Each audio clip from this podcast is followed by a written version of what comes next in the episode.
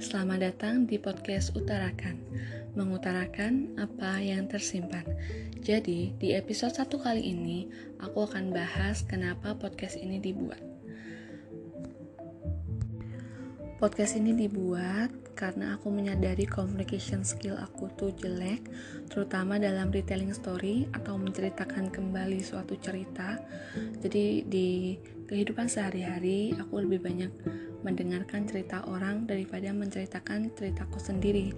Padahal aku pengen juga nih bisa menceritakan cerita-ceritaku, aku pengen juga didengar. Nah, oleh karena itu, aku mencoba untuk berlatih berkomunikasi, menceritakan menceritakan sesuatu yang tersimpan di dalam hati dan kepala melalui podcast ini. Harapannya, semoga utarakan bisa menjadi tempatku bertumbuh dan mengutarakan tulisan-tulisanku yang selama ini tidak terpublikasikan agar bisa dinikmati oleh diri sendiri dan orang lain. Enjoy!